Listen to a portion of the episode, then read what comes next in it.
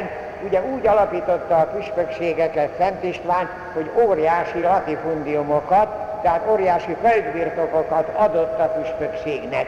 És ennek a maradványa a történelem folyamán megvolt, még az első második világháború alatt is az egyháznak volt saját vagyona, komoly vagyona, amiből hát én csak a Bencés rendet tudom, a Bencés rendnek 63 ezer holt földje volt, Balatonnak egy része is, és Szóval ebből a 9 gimnáziumot, meg a 21 plébániának, a plébániai templomoknak meg kegyura volt, ugye, és az egyik kegyur nem vállalta, hogy röstelkednie kelljen, hogy az ő templomának a tornya hát, megkopaszodik, vagy a pakolat lehull, tehát akkor más volt a helyzet. A történelmileg ennek nincsen hát múltja, ami a második világháború után, amikor az egyház minden anyagi lehetőségét elveszítette. És ezt azért meg kell érteni. Most a híveknek a jó indulatából van az, hogy egy templomot restaurálni lehet, vagy egy plebániát rendbe lehet hozni. Az iskoláknál is probléma. A fejkvótát megkapjuk, az állami fejkvótát, ugye az egyes növendékekre, azzal a fenntartását valamiképpen meg lehet oldani, de a fejlődését, a szertáraknak a pótlását, a felújítását semmiképpen nem lehet. És azért tessék elhinni, hogy mondjuk egy templomnak a villany szükséglete, ugye az elektromos árak azok úgy szépen emelkednek, úgyhogy itt nem szabad megbotránkozni, hogyha az egyház hát koldul egy picikét a hozzájárulásokat, ugye itt a mi templomunkban is hogy minél kényelmesebb legyen az előtérbe is, elfogadják, és nagyon nagy hálásan köszöni a plebánia, mert ez hozzá tartozik a létünkhöz. Itt nem arról van szó, hogy valami, valami merész pazarlással dolgozzon a, a plebánia, de mondjuk bizonyos lehetőséget azért meg kell tartani, legalábbis a tisztaságot meg kell tartani, azért az oltároknak a virágdísze is hozzá tartozik, és az mind-mind pénzbe kerül. Ha, ugyanakkor hadd szabadjon mondanom, hogy ez az egyházi hozzájárulás, amiről a Anyaszent Egyház ötödik parancsolata szól, az nem vonatkozik a Szent Mise persejezésére. Mert a Szent Mise persejezése az hozzá tartozik a Szent Miséhez. Ezt többször említettem már, hogy a régi időben körmenetbe vitték ugye a kenyeret, meg a bort, meg aztán volt, hogy tejet is vittek, meg mézet is vittek, aztán azt a szegényeknek adták, a pap az ott felajánlott természeti dolgokból, a kenyérből, a borból kiválasztotta, a szemmisén azt felhasználtat, hát azért van utána a kézmosás, mert akkor a papnak kezét meg kellett mosnia, tehát azzal tulajdonképpen az fejeződik ki, hogy nekem kellene az áldozatot bemutatnom, a fölséges Istennek nem lehet méltatlanabb áldozatot bemutatni, mint hogyha én valami vacakot adok helyette, önmagamat kellene oda tennem az oltáról, de hát erre nincsen szó, körmenettel nem tudjuk megoldani. Hát akkor, amikor föltalálták ugye a pénzt, akkor alakult így, hogy akkor persejeznek a szentmisek fölajánlása idején, ha megfigyelték, akkor, amikor a pap a kenyeret és a bort fölajánlja, akkor gyűjtik a persejbe. Nem az a lényeg, hogy az egy fillér, vagy tíz fillér, vagy ötven forint, vagy ezer forint, az a lényeg, hogy a saját magam helyett teszem azt a korsa kosárba, azt viszik az oltárhoz, és az így belekapcsolódok a szentmisébe. A egyházi hozzájárulást azt a mise végén az az egyház előterében, a templom előterében gyűjtik, vagy postán lehet beküldeni, vagy a plebánián befizetni. Sajnos nagyon-nagyon nagy problémánk van, azok, akik szentmisére járnak, azok sokszor az erejükön fölül adakoznak, nagyon-nagyon hálásak vagyunk érte, és igazán csak azt tudjuk mondani, hogy, hogy erejükön fölül is tudják támogatni az egyházat, de a plebánia területén lakó megkeresztelteknek a 92 százaléka még csak gondolni sem gondol erre az ötödik parancsolatra. Ezért kellett ezt azért megemlíteni, és ezért kell a magyar szövegbe ennek benne lenni, hogy az egyházat anyagi hozzájárulásoddal is támogasd. Engedjék meg, hogy még egyszer elmondjam az Anya Szent Egyház öt parancsolatának ezt a talán nem mindenki számára gyermekkorból ismerős megszövegezését, de ennek mostani megszövegezése így hangzik, a vasárnapot és az egyházi ünnepeket szentmisével és munkaszünettel szenteld meg. A pénteki bűnbánati napokat és a parancsolt bőtöket tartsd meg. Évente gyónyál és legalább a húsvéti időben áldozzál.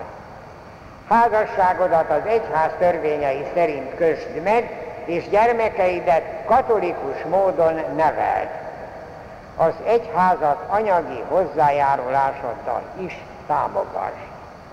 Hát az idén ugye a tíz parancsolatról beszélgettünk, és most a, az öt parancsolatról még két igazi nagy parancs hátra van, a szeretet kettős parancsa, hadd szabadjon mondanom, jövő szerdán nem tudok itt lenni, akkor nem vagyok itt Magyarországon, úgyhogy ö, jövő szerdán elmarad a katekézis. Két hét múlva, május 26-án még összejövünk, és a utána következő alkalommal, tehát még két alkalommal lesz szerdai katekézis, az egyiken a szeretet első részét, a szeretet kettős parancsának első részét, a másikon a második részét fogjuk átelmélkedni addig is áldjon meg bennünket a mindenható Isten, az Atya, a Fiú és a Szentlélek. Dicsértessék a Jézus Krisztus!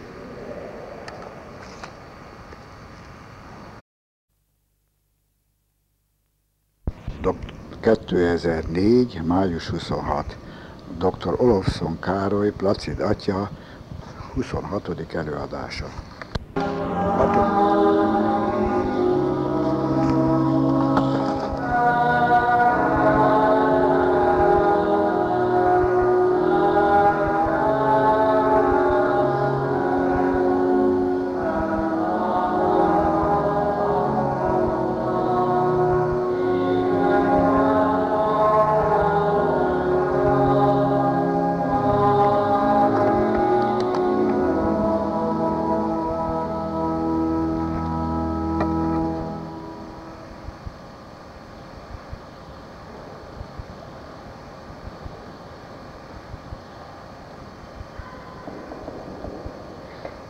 Atya, a Fiú és a Szentlélek nevében.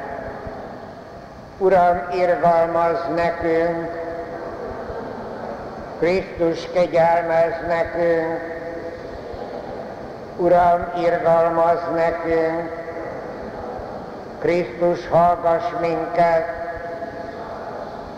Krisztus hallgass meg minket,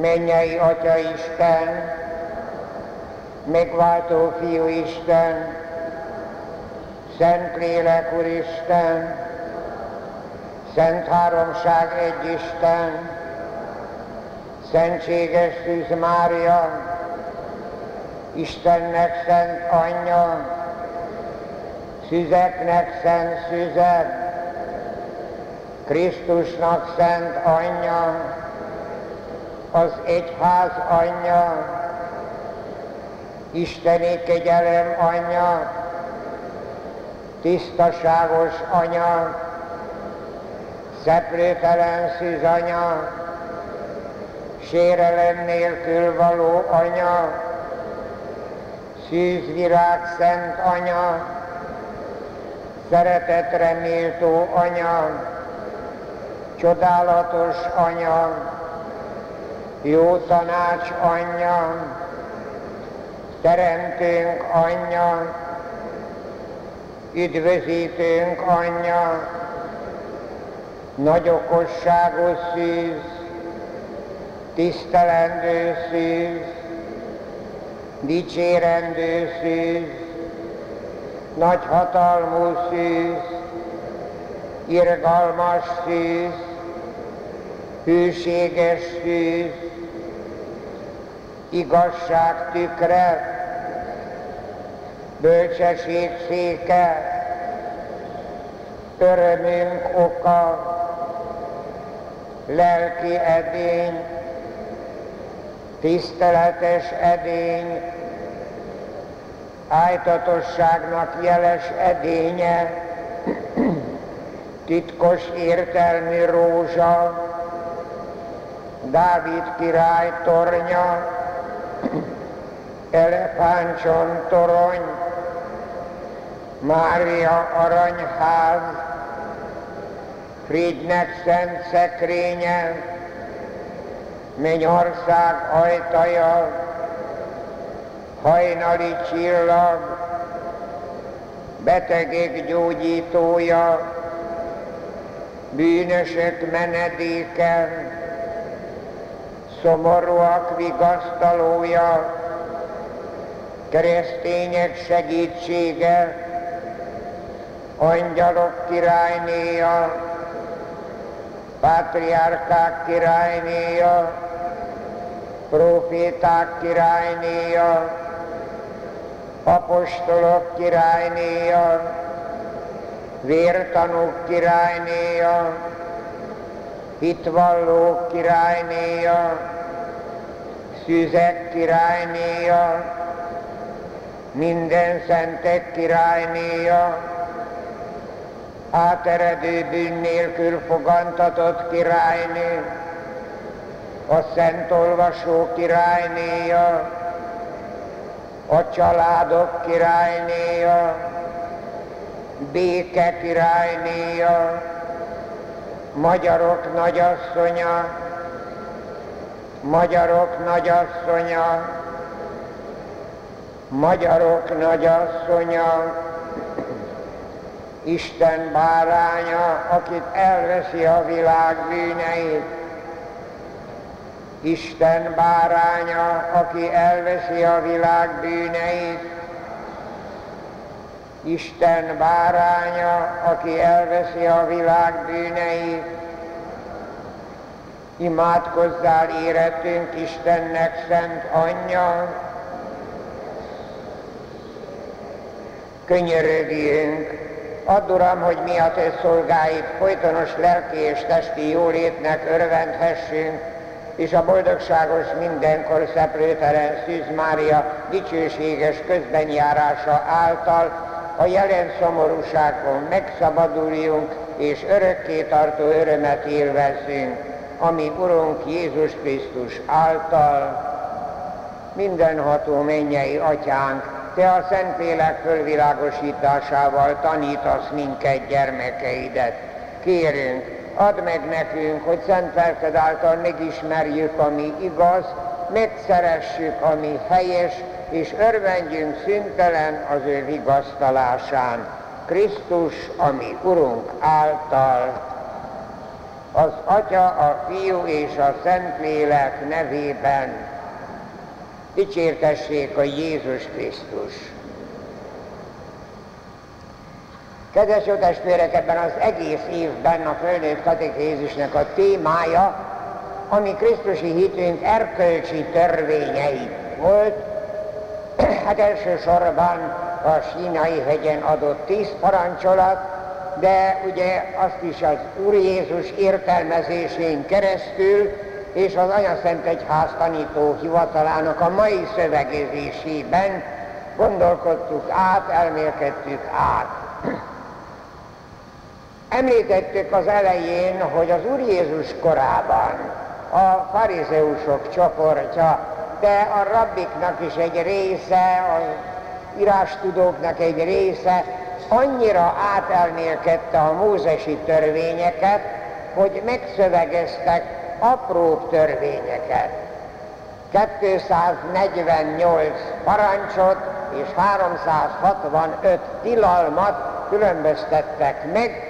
Jézus korában a farizeusok 613 törvényt tudtak, de ők is gondoltak arra, hogy hát képtelenség 613 törvényt mindig szem előtt tartani és követni.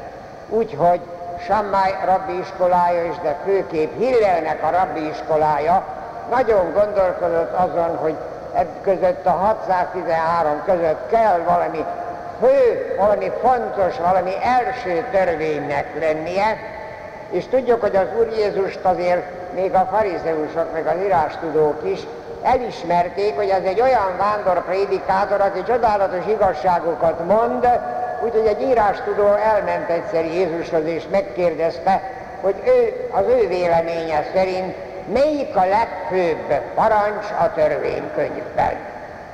Jézus erre válaszol, de hát mivel válaszolhatott, csak is az Ószövetségi Szent Iratoknak a szövegével, mert az volt tekintély ugye a farizeusok meg az írástudók előtt, Mózes 5. könyvét és Mózes 3.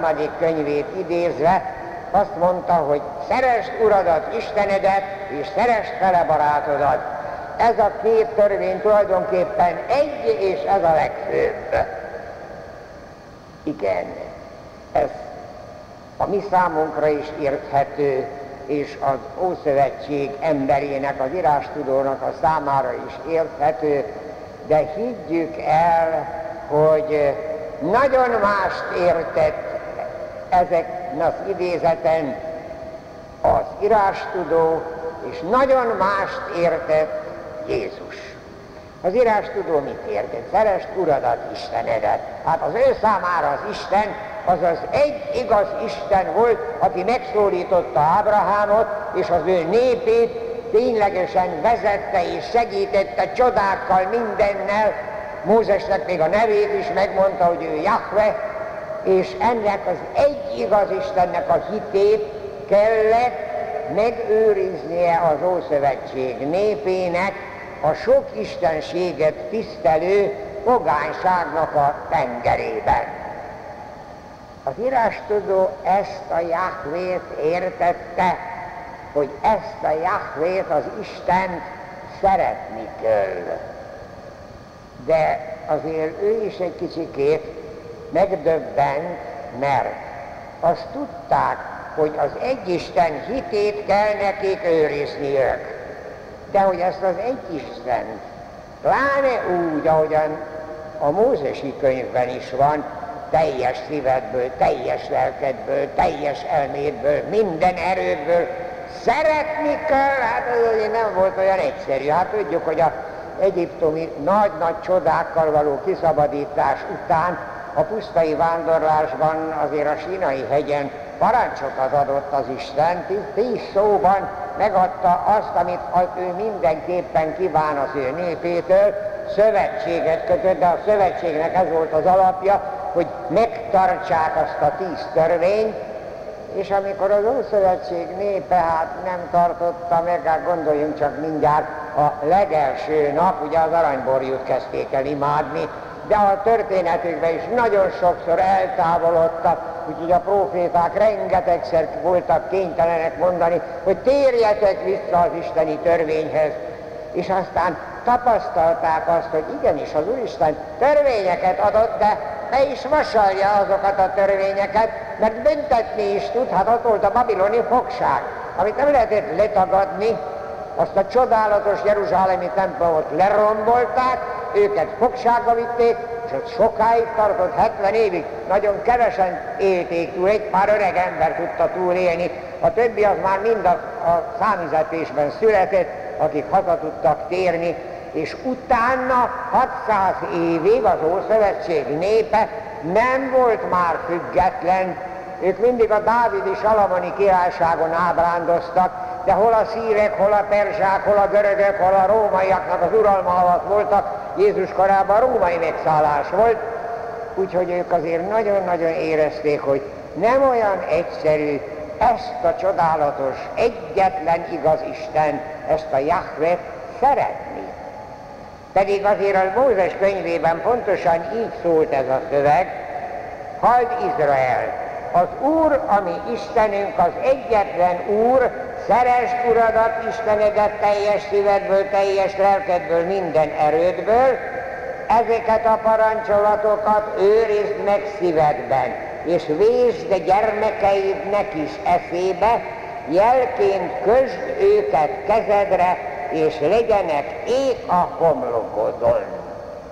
És amikor ezt a, a Mózesi könyv, könyvben olvasták, a farizeusok nagyon érdekes megoldást találtak. ezt a szöveget, ezt úgy hívták, hogy Séma Izrael, ezt két kis pergamenre ráírták, és két kis dobozba beletették, és akkor, amikor a férfiaknak napjában kétszer imádkozniuk kellett, akkor az imaszíjjal, a tefilinnel az egyik kis dobozt a homlokukhoz erősítették, a másik dobozt a balkarjukra, hogy az Istennek ez a nagy-nagy szeretete mindig az eszükbe legyen, és mindig a cselekedetükbe legyen. Hát azért valljuk meg őszintén, hogy ezt mi is egy picikét formalizmusnak értjük, és érdekes, az Úr Jézus sose kívánta az apostoloktól, hogy ők is azt a dobozkát, meg azt a, azt a homlokukra, meg a karjukra erősítsék, hogy ezzel eleget tegyenek annak, hogy hát igenis ők az eszméletükben, az értelmükben is benne tartják, hogy szeretni kell az Isten, és hát akkor a cselekedeteikben is benne van az Isten szeretete. Erre gondolt az írástudó. De mire gondolt akkor Jézus? Hát csak egyetlen egyet tessék elolvasni a négy evangéliumot. Jézus sose mondta az Istent Jahvénak. Ő mindig atyámnak mondta, sőt egészen beféző módon abbának, ami akkor olyan családias, közvetlen apáskát jelentett, így titulálta az egy igaz Isten. Valaki megszámolta, hogy az evangéliumokban 179-szer szerepel, hogy Jézus atyának nevezte az Isten. Én az atyától jövök, én az atya parancsait teljesítem, nem fogom mind a 179-et felsorolni, de engedjék meg, hogy a legelsőt meg a legutolsót elmondjam. A legelső, amit az evangélium hoz, a 12 éves Jézus a Jeruzsálemi templomban, amikor megtalálják, akkor azt mondja Máriának és Szent Józsefnek, hát nem tudtátok, hogy nekem atyám házában kell munkálkodnom? Hát az a Jeruzsálemi templom volt az Istenház. Az utolsó pedig, amit az el, a evangélium a Jézus földi életében mondott a keresztfán, Atyám, kezedbe ajánlom lelkemet. Tehát Jézus akkor, amikor azt mondta, hogy szeres uradat Istenedet, akkor ő mindenképpen az ő atyát értette az Istenet. Na de hát az atya az tulajdonképpen viszonyfogalom. Ha van atya, akkor van fiú is. Hát valaki azt mondja, hogy ez az én atyám, akkor természetesen következik, hogy ő a fiú. Ő az atya gyermeke hogy ezt Jézus nem mondta 179-szer, néhányszor azért utalt arra, hogy az atyát nem ismeri senki se, csak a fiú, és aki a fiú, akinek a fiú ki akarja nyilatkoztatni, azért többször utalt egészen határozottan, de képzeljék el, hogy annak az ószövetségi embernek, aki az egyik az Isten hitte, Hát annak hogy lehetett azt mondani, hogy abban az egyik az Istenben van egy atya is, meg egy fiú is. Hát ezt nem lehetett nekik megértetni, velük megértetni, pedig az Úr Jézus még a harmadik isteni szeméről is szólt egy párszor, még a Jeruzsálemi templomban